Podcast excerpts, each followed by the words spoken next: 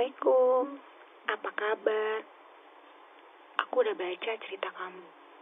Aku ngerti banget kegelisahan kamu tentang status baru kamu. Menjadi seorang janda emang gak mudah. Aku tahu banget rasanya dan aku ngerti banget situasi kamu sekarang. I know. It's okay. You can cry.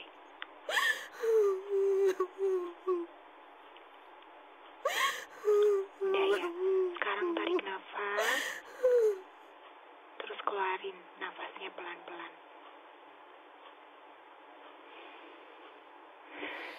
Oke? Hmm, di chat, tanyakan sama aku apa yang harus kamu lakukan pertama kali.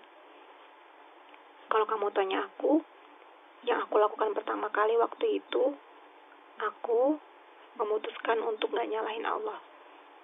Aku gak mau nyalahin orang lain juga. Allah udah milih aku, ya udah aku terima. Penerimaan ini yang paling penting banget untuk kondisi psikis kita. Aku menerima kalau posisiku sekarang udah sendiri lagi. Aku tahu ini gak mudah. But I have Allah and I will always be okay. Kamu juga sama, kamu punya Allah. Dan kamu pasti akan selalu baik-baik saja. Selama kamu percaya kalau Allah itu selalu ada untuk kamu. Jadi, aku waktu itu berhenti untuk nanya-nanya. Why me? Allah, why me? Kenapa aku? Kenapa nggak orang lain aja? Yang mungkin aja Allah akan bilang ke aku dan ke kamu juga untuk kesekian kalinya Why not hambaku? You can do this. I know that. Allah yang nyiptain kita. Allah pasti tahu apa yang terbaik buat kita. Dan Allah pasti tahu bahwa kita sanggup melaluinya. Mungkin Allah akan bilang gitu sama kamu dan sama aku juga. Ya udah, karena Allah udah milih kita untuk melalui ini semua, maka yang bisa kita lakukan cuma terima dan tunjukin ke Allah bahwa kita mampu melalui semuanya dengan baik. Aku tahu yang paling kamu takutkan pasti omongan orang lain kan. Kamu takut diomongin di belakang, dihina karena janda, dianggap gak becus sebagai manusia. Tapi, tau nggak apa yang aku pikirin waktu itu? Aku mikir, kenapa aku harus malu? Yang melakukan hal-hal yang tidak pantas itu kan dia, bukan aku. Aku gak ngapa-ngapain loh yang harusnya malu kan dia, bukan aku. Jadi kalau orang nyalahin aku, ya itu salah. Karena aku gak ngapa-ngapain. Terlepas, mereka tahu atau enggak kejadiannya ya. Tapi kan Allah tahu. Mental itu yang aku tanemin banget di kepala. Aku gak salah.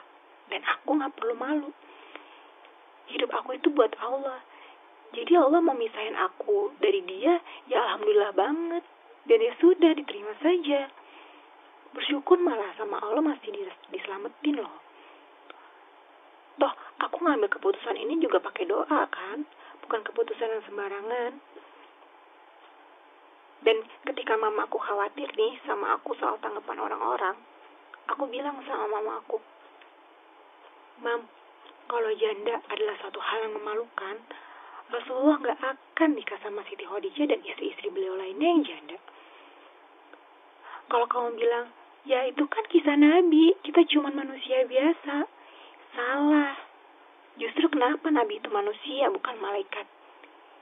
Ya karena kita orang biasa, jadi bisa nyontoh kehidupan mereka. Kalau pasti tahu di kehidupan masa depan setelah Nabi terakhir kita, bakalan banyak janda-janda di dunia. Maka Allah kasih contoh kehidupan beliau yang menikahi para janda. Untuk apa? Untuk menunjukkan bahwa janda bukanlah sesuatu hal yang memalukan. Mereka wanita mulia dan insya Allah kita juga masuk dalam golongan yang mulia juga.